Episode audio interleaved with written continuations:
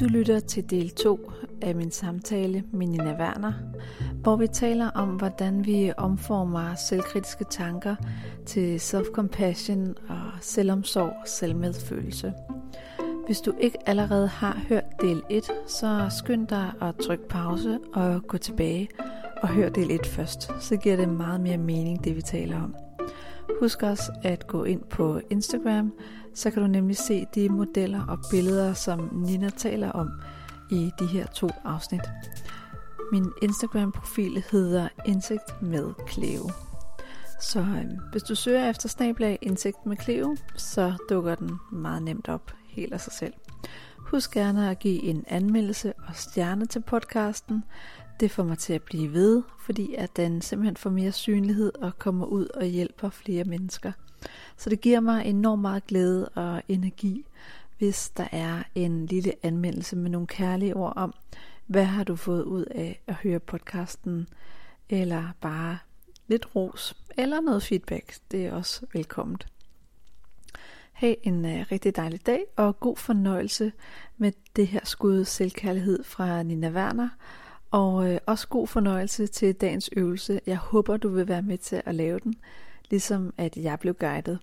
Og by the way, Nina tog et billede af mig under øvelsen, og den kan du også se inde på Instagram.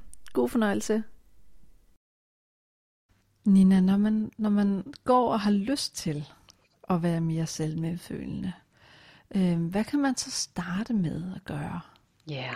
Eller tænke? Ja. Yeah. Altså, man, man kan jo sikkert, der er flere forskellige trin i det her, men et godt sted at starte, det kan være, at man begynder faktisk at erkende, at, at det her, altså det her nummer, som vores nye hjerne lidt laver med os selv, at fortælle, at alt er muligt, hvis vi bare tager os sammen, eller hvis vi bare gør os umage. At, mm. at det virkelig er et nummer, vores nye hjerne laver. Øh, ja. Der er sådan meget, der, jeg synes, der er sådan en meget god model, som vi tit bruger i vores undervisning, og jeg også bruger i terapien. Altså hvor jeg tegner to, to cirkler på tavlen, hvor den ene, der står der den reelle verden, og den anden mm. står der den mm. ideelle verden. Og mm. over i den reelle verden, det er faktisk der, hvor vi befinder os. Og det er der, hvor, hvor at vi alle sammen er med alt, hvad der er godt og dejligt og sjovt og bevægende og alt, hvad der er svært og bøvlet og der, hvor vi kommer til kort og og, ja, og PMS og hovedpine og myldretider. Lige præcis. Og, mm. og de større, ikke? altså sygdomme og alderdom og tab, mm. øh, både af os selv og andre. Ja. Og, øh, det, det er den reelle verden. Altså der er det hele.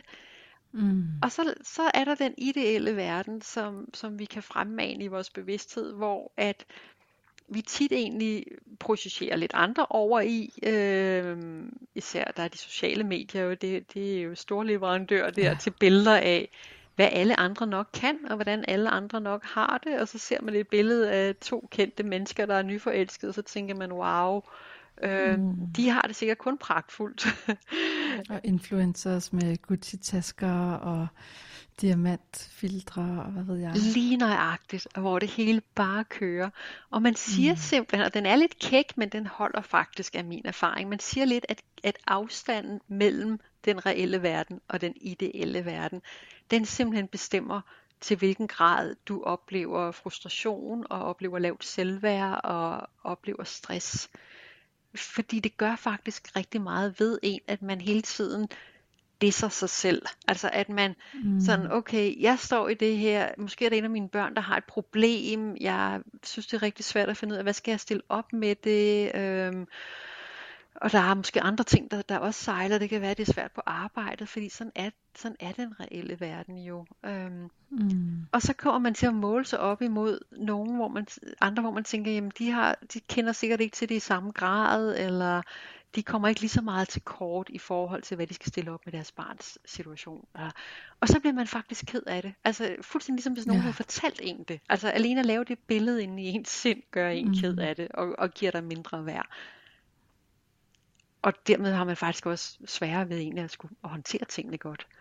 Så man kan mm. starte med at begynde at erkende den virkelighed, vi lever i. At uheld og alt muligt, det sker faktisk for os alle sammen. Ja. Og, øh, og begynder at jagtage, hvordan er livet egentlig reelt. Og også, også dermed også få forventningerne til sig selv ned i nogle realistiske proportioner. Mm. At der er så meget, vi ikke selv er herre over. Altså i virkeligheden kan man sige, at vi, altså vores nye hjerne kommer på en måde til at, at lide lidt af lidt storhedsvandvid.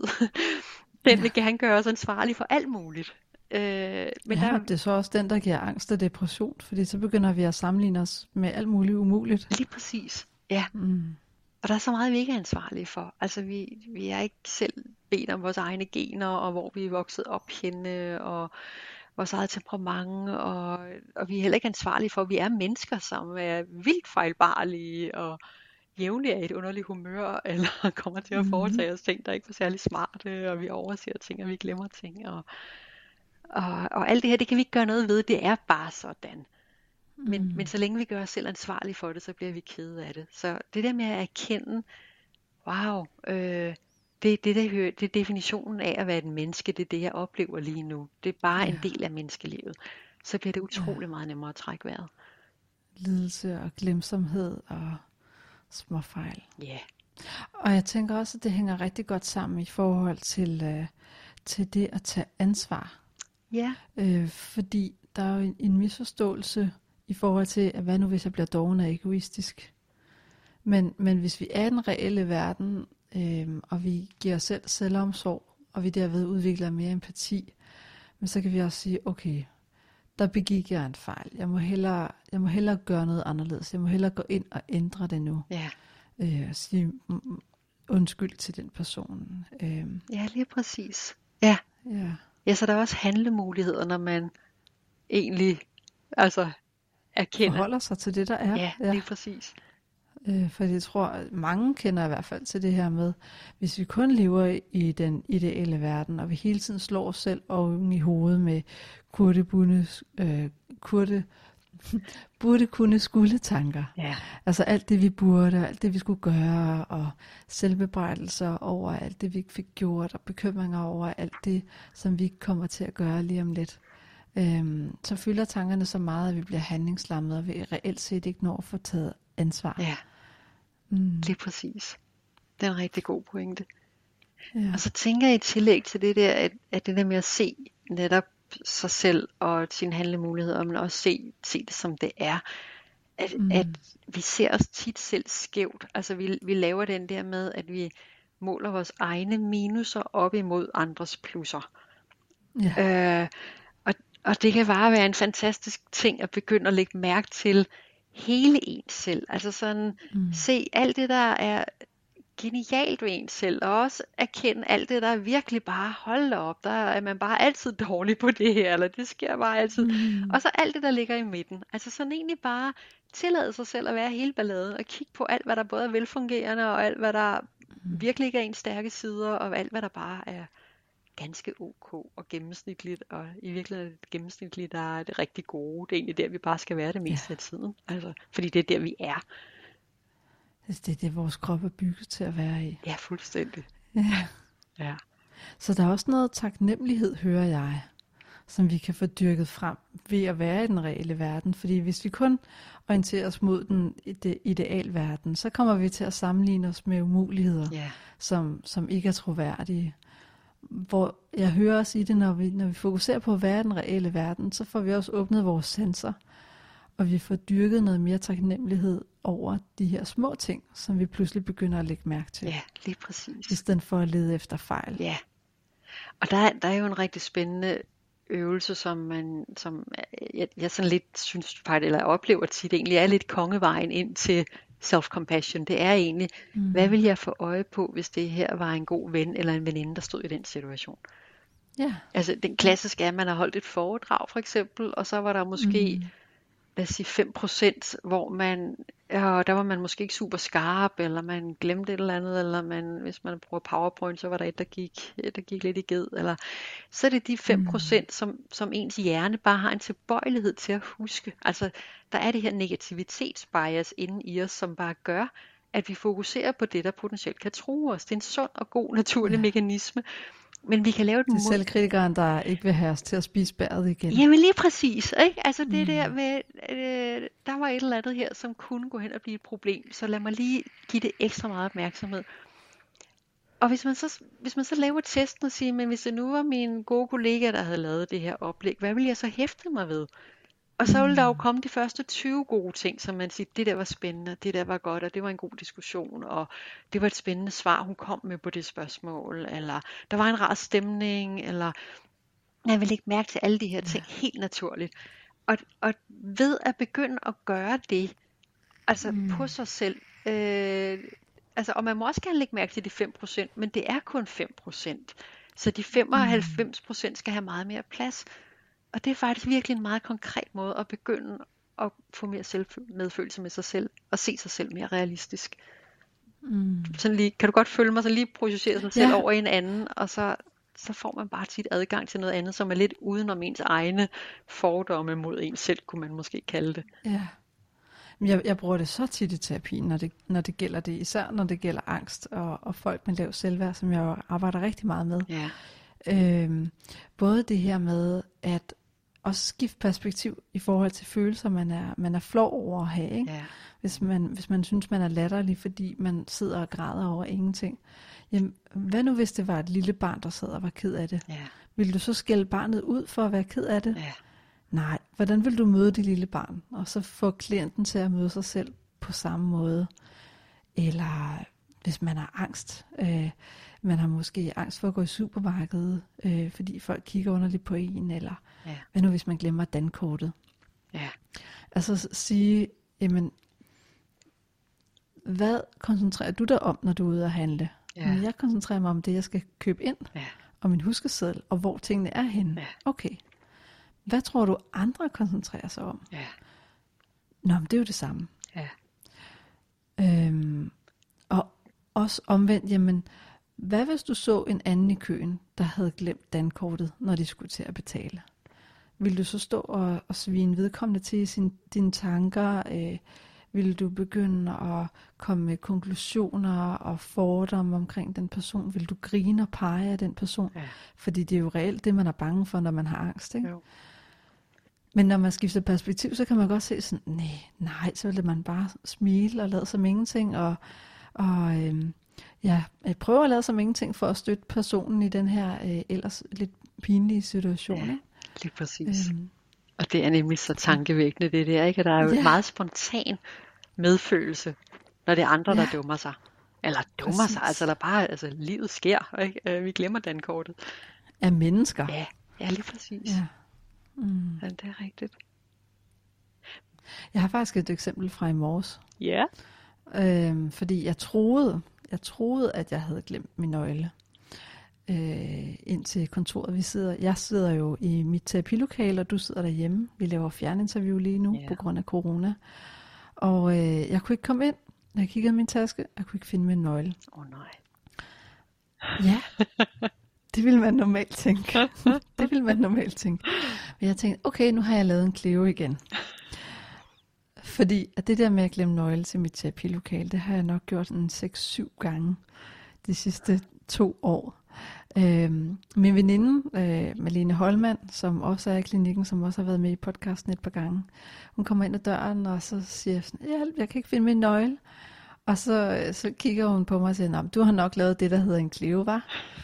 Og så griner jeg, og jeg ejer den. Jeg ejer den og siger, ja, jeg har så meget lavet en kleve. Ja. Jeg finder så nøglen i en sidelomme, jeg havde taget den med. Men, men det er et meget godt eksempel på, hvad der sker, når man har arbejdet rigtig meget med self-compassion. Mm.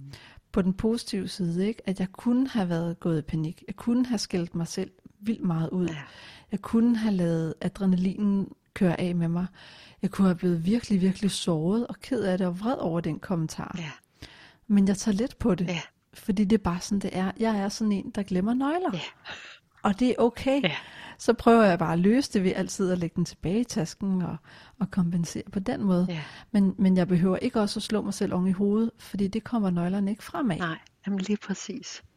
Mm. Og det vil man nemlig heller ikke gøre med en veninde, vel? Så det er jo, det er jo Nej, rigtig fint eksempel. Man vil jo ikke stå og sige, ej, Ja. er en kæmpe idiot, hvornår lærer du det dog? Ja. Altså, Hvor er du dum, mand. Du har en podcast, du skal optage lige om lidt. Hvad tænker du hvad på? tænker du på? Hvorfor har du ikke tjekket dine ting? Det vil vi aldrig gøre. Nej. Men, og det er også derfor, altså, at, at jeg synes, altså både fagligt og personligt, så er det her self-compassion, det er den største game changer for mig. Altså det der, at altså jeg, jeg kan virkelig genkende en kritisk stemme fra før i tiden. Altså jeg, jeg har virkelig mm. haft ret meget selvkritik. Mm. Øh, og jeg har det faktisk ikke længere. Altså jeg, jeg, jeg, jeg giver aldrig mig selv et møgfald længere. Altså det, mm. Jeg, og jeg er stadig lige så rodet og lige så altså glemsom og lige så øh, ja, impulsiv og, og jeg til få bragt mig i nogle situationer, hvor man tænker, hold da op, der står du igen. Øhm, men Men du har smidt den der ekstra rygsæk, som vi reelt set ikke har brug for alligevel. ja, lige præcis. Altså det, jeg får aldrig et møgfald. Altså det, det, det, det, og den kan man virkelig godt slippe, og det er altså bare ret befriende. Og man bliver jo sjovt nok ikke dårligere af det. Altså, Nej. Og jeg tænker, hvis man lige pludselig står i en situation, hvor man hører sig selv kritisere sig selv rigtig, rigtig meget, så er det også der, hvor man gerne må stoppe op og tænke, okay, hvad er det, der er sket lige nu? Fordi at hvis, hvis jeg pludselig gjorde det for mig selv, det, det kan godt ske en gang imellem, ikke? så er det jo typisk, fordi jeg ikke har sovet om natten, ja. eller jeg er gået totalt sukkerkold, eller jeg er hormonel, Ja. øh, har PMS, whatever. Ja, Altså så er der noget, så er der noget, typisk noget fysisk på færre. ja. Og kan du så mærke, at når du så bare, når du, når du får fat i det, at så kan det slippe noget? Yes, Den der, lige you can name it, you can tame it. Eller sådan, der, der er Ja. sådan lidt en, bare det at sætte ord på noget, kan være enormt befriende. At se, nå, det Ja. er det, det handler om. Jeg plejer at sammenligne det lidt med, at man har lagt et puslespil, og så kan man ikke finde den sidste brik. Og så det at komme i tanke om, nå ja, det er jo fordi, jeg ikke har spist noget i over 8 timer. Så er det ligesom, man får puslespilsbrikken i hånden. Ja, Øh, det giver ro Ja. at, at finde den her brik. ja, Plus at det giver redskaber til at lægge den på sin plads. ja. Det er et rigtig godt billede. Mm. Ja. Jeg kunne godt tænke mig, at vi går videre til dagens øvelse. Ja, lad os gøre det. For jeg vil jo altid gerne have, at mine gæster har noget konkret med. Nu har vi jo haft masser af konkrete øvelser allerede, øh, og vi kommer også til at lægge billeder op af både af, af livssynsmodellen med den ideelle verden og den reelle verden, og også modellen med de tre følelsessystemer. Ja. Og det er jo begge to ting, man kan tage direkte ind og bruge i sin hverdag. Ja. Men, øh, men dagens øvelse, hvad har du med der? Jeg har en øvelse, som er fantastisk effektfuld og samtidig øh, en øvelse, der tit giver anledning til, til sådan øh, altså overraskelse hos folk. Den hedder beroligende mm. berøring. Ja, Og altid når vi sidder og laver den på kurser, så er det jo sådan lidt, åh, oh, må man så røre ved sin sidemarker? Og det er ikke det, det handler om. det er faktisk, øh, vi kan simpelthen, vi kan simpelthen se, at når man, når man, altså vi ved jo, når vi får et kram af en person, vi er glade for, så falder vi mm. til ro, og der udløses oxytocin og andre rare signalstoffer og hormoner og og, og man kan simpelthen se, at det samme sker, når vi, når vi lægger hånden på hjertet, eller giver os selv et kram, eller Ja. nusser os selv på kinden. Så jeg tænker, det kunne jeg rigtig godt tænke mig, at vi prøvede. Og må jeg simpelthen Ja. guide dig, Cleo? ej, det må jeg vildt gerne. Det er ærgerligt, der ikke er billede på. ja. Ellers så kan du tage et billede af mig, mens vi gør det. Kan jeg det? Kan jeg finde ud af det? Ja, det ville da være øh, super sjovt at tage med til, uh, til lytterne på, på Instagram. Det gør jeg lige her. Sådan, det bliver så fint. Lige præcis. Jeg sætter dig gerne godt til rette. Mm. Og gerne så lige start med at og sådan centrere dig selv gennem bare et par dybe indåndinger. Sådan helt lige, sådan bare lige mærk kontakten til åndedrættet.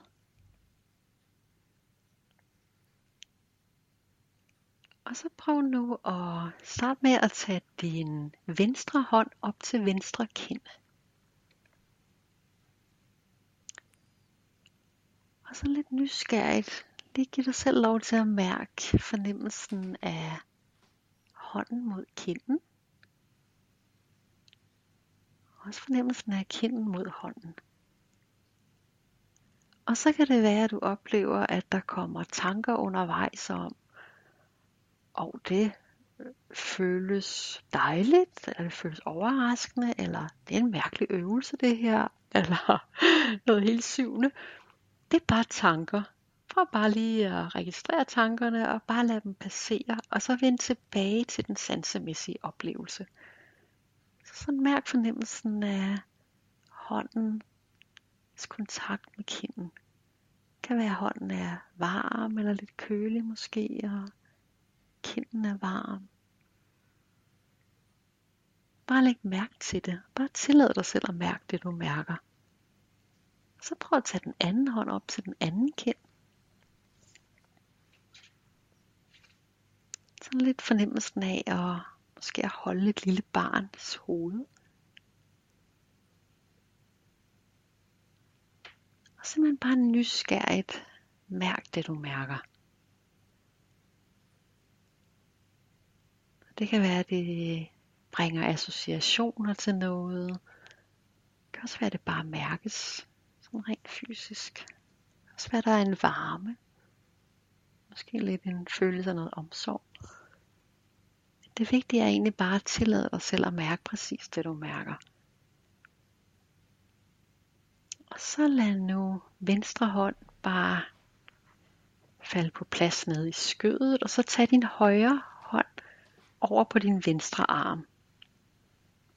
Overarm. Så prøv en gang at sådan stryg dig selv lidt blidt op og ned af armen. Og sådan med fuld opmærksomhed, virkelig bare mærk, hvordan er det, hvordan føles det rart, at jeg stryger mig selv på min arm. Det kan være, at det skal være blidt. Det kan også være, at det skal være lidt fast. Og igen hele tiden, hvis der kommer tanker om øvelsen, hvad der er rigtig naturligt, det er bare det levende sind. Så læg mærke til tankerne, og så vend tilbage til den sansemæssige oplevelse. Det kan også være, at du kan prøve at lade hånden hvile et sted på overarmen, og måske nus den lidt med tommelfingeren. Sådan både mærk hånden mod armen, og armen mod hånden. Hvis det føles rigtigt, så kan du tage den anden hånd over på den anden overarm, så du sidder lidt og holder om dig selv. Og igen så lige bare mærk, at det rart med sådan lidt strygning op og ned af armene. Sådan lidt kærtegn. Eller skal det mere være sådan også et fast greb? Så man bare udforske, hvad føles rart lige nu. Kan du prøve at lade den højre hånd glide ned under armen og om på skulderbladet, og den venstre hånd om på skulderbladet, så du ligesom sidder og holder lidt om, giver dig selv et kram. Og så bare læg mærke til, hvad mærker jeg, når jeg gør det her? Måske så nus dig selv lidt med tommelfingrene. Og så slip nu sådan grebet om din skulderblade og din overarm. Og så lad venstre hånd finde ind til hjertet. Læg det hen over hjertet. Og højre hånd kan bare hvile ned i skødet. Så prøv nu at bare mærke, hvordan er, hvordan er det her. Mærk fornemmelsen af hånden mod hjertet og hjertet inde i brystkassen. Hvis du undervejs opdager, at det kan også være, at dit kreative sind begynder at give dig selv opgaver. Nu skal jeg mærke noget bestemt. Det er bare en tanke. Bare slip på den. Det er helt fint. Og vend tilbage til, hvordan føles det her? At holde min hånd mod hjertet. Kan også lægge den anden hånd hen over, sådan så du holder begge hænder hen over hjertet.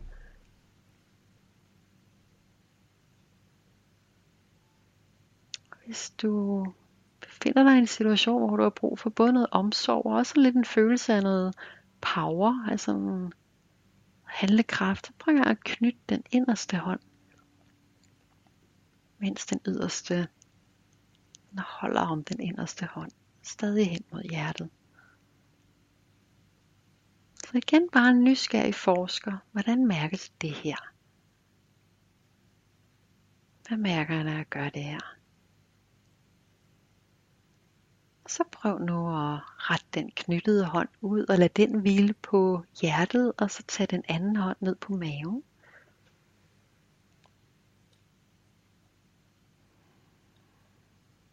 Og igen læg mærke til fornemmelsen af hånden mod kroppen. Den levende krop. Måske mærk varmen mellem hænderne og kroppen. Mærk, hvordan kroppen trækker vejret.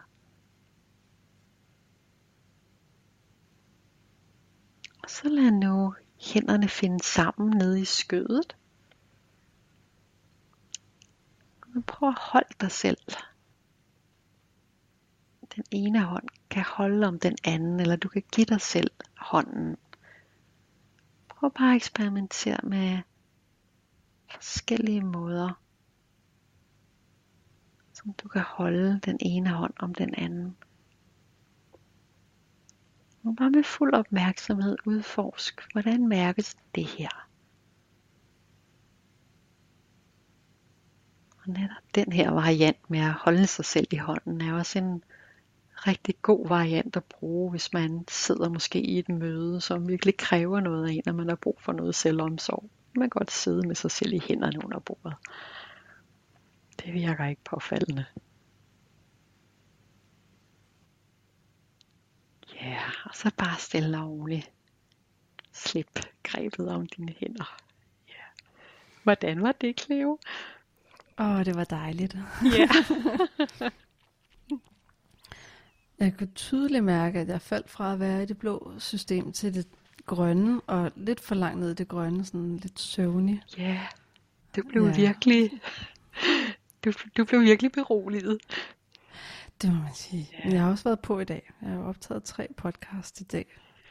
Så jeg tror, hvis vi havde lavet den her øvelse i starten af det her afsnit, så var afsnittet ikke blevet nær så godt. Ja, det var virkelig dejligt. Ja. Tak for det. Selv tak. Ja. Mm. Ja. Vi skal videre til øh, dagens anbefaling. Ja. Er der en, en bog, eller en film, eller en serie, eller noget lignende, som du har taget med til den nysgerrige lytter, der gerne vil vide mere? Ja. Altså, jeg kunne jo godt tænke mig at anbefale min egen bog. Er det okay? Selvfølgelig. Ja. Selvfølgelig. Det er kun fordi, jeg var i det grønne system, at jeg slet ikke tænkte på det. Nej, men det er så fint. Jeg har faktisk også siddet og tænkt på film, og jeg ved, de er derude. Jeg kan ikke lige komme i tanke om, om nogen. Men øhm, ja, altså, jeg har jo skrevet min bog, fordi jeg simpelthen sådan lidt oplevede, at øh, jeg synes, den manglede. Og det tænker jeg var en god motivation for at skrive den. Mm. og øh, så det går jo meget ind i, i det her med, hvordan kommer vi fra den her, den her tilstand af at være, være selvkritiske, og hvordan bliver vi egentlig mere medfølende.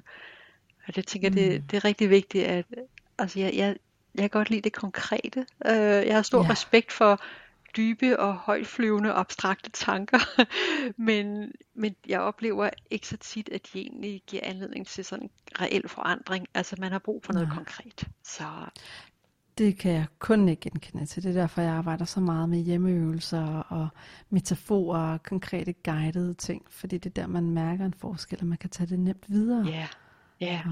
Ej, men så enig. Og det er godt mm. at høre, at du også tænker det. Ah, ja. Bare fordi noget er abstrakt, betyder det ikke, at det er dybt. Nej. Adfærd kan også være dyb. Ja, for pokker. Ja. Mm. ja.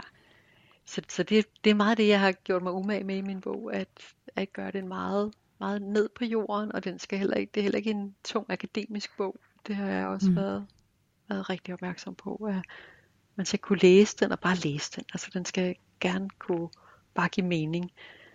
Ja. Um, yeah. Ikke noget ego-kapløb med sig selv, om at den skal være så god og klog som muligt. Yeah. Den skal faktisk være brugbar først og fremmest. Lige præcis. Mm. Ja, men lige nøjagtigt. Den skal, kunne, øh, den skal kunne læses lidt af hvem som helst. Og, ja. Mm. Så, så ja, det vil jeg gerne anbefale. Ja. Det, um... Fra øh, selvkritik til self-compassion af Nina Werner, og det synes jeg er en mega, mega, mega godt tip. Også fordi den er ny, og den er på dansk, og den er praktisk orienteret. Så det kan faktisk ikke blive bedre end det. Hey, tak Cleo. Det var jo dejlige ord. ja. Ja. Vi er kommet til øh, dagens nærende aktivitet. Og nu kan jeg godt tænke mig at høre dig, Nina Werner, når du skal være virkelig øh, øh, vise dig selv rigtig meget self-compassion på en dårlig dag, hvor du er i underskud. Hvad gør du så for at nære dig selv? Hvilken nærende aktivitet giver du dig selv, som bygger din energi op? Nu nævnte du gåture i, i naturen før, men er der andre sådan kreative strategier, du har udviklet sådan? Øh, ja, altså jeg tænker, jeg tænker helt grundlæggende, så er det egentlig vigtigt at, at egentlig lige stoppe op og apropos øvelsen, måske hånden på hjertet og mm. mærke, hvor er jeg henne ja. lige nu. Ja. Fordi nærende aktiviteter kan også hurtigt spændes for, for den her side i os, som, som også gerne vil lave mm. projekter på vores egne vegne. Ikke? Så det ja. kan godt være, at den siger, hey, du skulle gå ud og løbe en tur, fordi det vil være godt for dig, og mm. øh, men, Din energi er lav, nu skal du have et boost, nu skal vi skrue op og ned. Ja, lige præcis. Mm. Ja. Så, så først egentlig lige mærke efter, altså hvad der er faktisk behov for lige nu. Ja. Øhm, og så altså, altså jeg må indrømme for egen regning, altså køre motorcykel kan jo et eller andet, men det ved mm. jeg godt måske ikke lige der, hvor alle befinder sig. Øh, men jeg synes at lave noget, hvor man kan mærke, at man er i... Øh, Altså har den her følelse af at bare være til stede med sig selv. Altså hvor man, mm. øh, det kan netop være at gå en tur, løbe en tur, øh, hvis man er inde i musik, komponere noget, eller bare lægge sig og lytte til det. Øh, yeah. Eller tegne, male, øh, et eller andet kreativt, men virkelig hvor man kan mærke, at det her, det vil bare være rigtig dejligt lige nu. Mm. Øhm. Så en ting er at kaste sig ud i en anden aktivitet, men det, der gør det til ægte self-compassion, det er, når vi stopper op, hånden på hjertet, hånden på maven og mærker efter, hvad har vi reelt set lyst til? Yeah. Yeah. Hvis vi skulle være gode ved os selv. Yeah. Det er den mellemregning, der er så vigtig her. Lige præcis. Um, altså, og så, jeg kan også rigtig godt lide yoga, uh, men mm. på sådan det uprætentiøse niveau, vil jeg sige. Mm. det er noget hjemme på gulvtæppet. Uh, mm. Men men jeg tænker, at et spørgsmål, man jo også kan stille sig selv, der er, øh, hvad har jeg lyst til lige nu? Og hvad vil jeg, altså, når dagen er gået, hvad vil så have været rart for mig? Altså en gang får man ja. også et lidt andet svar, når man stiller det spørgsmål. Mm. Sådan, hvad, hvad vil så øh, hvad, vil så, hvad vil så have været dejligt? Vil det have været, jeg kom ud i naturen i dag, fordi det ved jeg gør mm. noget godt for mig. Øh, ja. jamen, så er det måske det, jeg skal, også selvom der jeg synes måske, jeg er lidt træt, eller der er noget andet, jeg tænker, jeg hellere burde gøre. Eller, mm. Men sådan lige en gang, så får man måske lidt adgang til en lidt, en lidt visere side i sig selv ved at, yeah. at kaste sig lidt ud i fremtiden og spørge, hvad vil jeg være glad for fordi, senere? Så spørger man også sig selv, hvad vil jeg være taknemmelig over eller stolt af, at jeg fik gjort? Ja. Yeah. Selvom det var lidt svært. Ja, det er præcis. Mm. Det kan også være et rigtig gode spørgsmål. Det synes jeg er nogle rigtig gode forslag og en vigtig pointe. Er der noget, vi skal nå her på falderæbet, som, øh, som du godt kunne tænke dig, at lytteren tager med som sådan et vigtigt budskab, eller noget, vi ikke har været inde på endnu, inden vi slutter af? Ja, altså, øh, altså jeg, jeg tænker jo en gang imellem, at humor og, og gode grin, det er lidt undervurderet i mm. både inden for psykologien, men også inden for faktisk self-compassion. Fordi det, der er så interessant, ja. er, at jeg tænker jo, når man, når man tager sig selv dybt seriøst, ikke på den der sådan højtidlige måde, men virkelig bare tager sig selv rigtig seriøst, øh, og, og, og anerkender hele ens liv og den man er, så kommer der faktisk også tit spontant ret meget humor. Og humor er også bare mm. sådan en befriende måde at, at øh, være med sig selv på. At kunne se også det Ja. lidt pussy komiske i. Altså vi er nogle ret sjove væsener faktisk. Ikke? Vi Ja, ræser rundt, og der er så meget, der hiver i os i alle mulige nøgler. Ja, for eksempel. øhm, og, og det hele bliver bare lidt nemmere at bære, når vi kan se det lidt fra oven, og også se det lidt sjov i det. Altså, Ja. ja, det, det tænker jeg faktisk kan være, kan være ret vigtigt. Og jeg tror, at nogle af jer til ligefrem tænker, der kan være lidt en modsætning mellem humor og, og så dybde. Og for mig er det i virkeligheden lidt modsat. Jeg tænker tit, vi også kan nærme os nogle dybe ting, når vi kan grine lidt af det hele. Øhm, Mm. der, der bliver tit taget et eller andet lidt svært ud af noget, når vi kan se det sjove i det også. Ja, Mm. ja giver det mening? Ja, og det giver, det giver overskud også. Altså, humoren kommer frem, når vi har det godt, men det er også en måde at komme frem, Ja, at man kan grine lidt af det, ikke? Fordi at, er vi meget selvhøjtidlige, så identificerer vi også rigtig meget med, med de tanker og de følelser, vi måtte få, eller synes, at det, vi er de eneste, der har det sådan her. ja, Der er ingen andre, der har det ligesom os, fordi vi er unikke ja. på den dårlige måde. Ikke? Lige nøjagtigt. Ja. Ja. Og der tænker jeg, må jeg sige en sidste ting, er der plads til det? Mhm. Yes, Åh, det er godt. altid. Jeg tænker faktisk noget, jeg synes, der er et rigtig, rigtig interessant begreb for mindful self-compassion. Det er det her almen menneskelighed, altså fælles menneskelighed. Mm. Øhm, jeg synes, det kan utrolig meget, at, at der er jo den her tendens i os alle sammen, at når vi bliver skamfulde, så isolerer vi os. Altså, vi gør det enten fysisk, eller også så gør vi det i hvert fald mentalt. Ikke? Altså, at der er ting, vi ikke fortæller om, og ting, vi tænker, puh, er det kun mig, der kan have det sådan her. Ja. Øhm, og det der med at anerkende common humanity, altså den her fælles menneskelighed, hvor meget vi egentlig er fælles om, Ja. det er bare så befriende. Altså det, det, er, det er noget af, af det mest øh, effektfulde, jeg selv har stødt på imod skam. Altså egentlig, at Mm. jamen, hvor mange mennesker på kloden lige nu har det præcis, som jeg har det. Det er nok Mm. ret mange faktisk. Hvor mange kender Ja. til den her type situation at stå i? Jamen, man får så meget varme. Altså, man, det, det bliver lige pludselig så, gud ja, jeg er jo bare et menneske. Altså, Mm. det slår os andre også med. Uh, ja, Ja, en blandt, hvor mange er vi? 8 milliarder? ja, noget i den stil. Ja, Mm. ja. Og der er nok mange millioner, der har det på, samme, på præcis mere eller mindre samme måde ja lige nøjagtigt. Ja. som en selv. Ikke? Jo. Jeg har også, øh, jeg har også set det i forhold til foredrag. Der var en TED-talk, hun snakkede om, hvordan man øh, kommer ovenpå efter et voldsomt traume, eller udvikler resiliens. Ja. Hvad hedder det med et fint ord? Og der bedte hun alle i salen om at sætte sig ned. Så alle i salen, der havde været igennem en svær skilsmisse, skulle sætte sig ned. Alle, som øh, havde haft mange konflikter med deres børn, skulle sætte sig ned. Alle, der havde prøvet kærestesorg, skulle sætte sig ned. Alle, der havde været i en trafikulykke, skulle sætte sig ned, og så videre, så videre, så videre. Wow. Og jeg tror, hun sagde otte ting. Ikke meget mere end det, men alle sad ned til sidst. Så det er også bare sådan en anerkendelse af, at vi kommer alle sammen igennem kriser her i livet. Ja. Vi har alle sammen prøvet noget, der er hårdt. Ja. Så alle kan forstå det. Alle kan spejle, vi, vi kan spejle os i hinanden også. Ja. Også bare når vi er i tvivl, om vi skal række ud og sige til en ven, hey, jeg har det vildt hårdt lige nu, jeg har brug for at snakke med nogen. I stedet for at gå ind i den her diskussion, så bare have tillid til, at vedkommende har prøvet det samme selv Ja. og kender det godt. Ja, lige nøjagtigt. Jamen, det, er- det er nemlig et rigtig fint billede. Mm. Ja. Nå, tak fordi du kom. Jamen, Nina. tak fordi, at du havde lyst til at lave den her podcast med mig.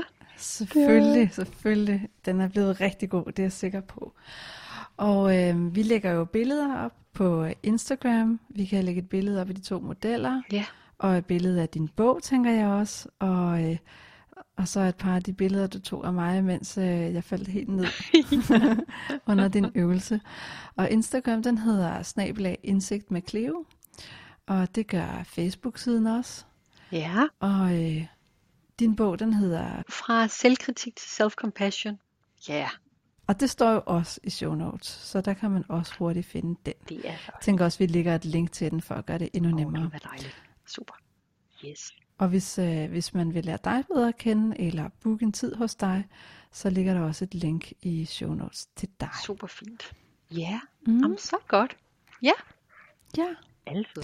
Så vil jeg bare sige, have en god dag derude, og øh, gør mig en tjeneste, og, og like podcasten. Skriv rigtig, rigtig gerne en anmeldelse, fordi at anmeldelser betyder rigtig meget for synlighed, og Apple Podcast elsker det.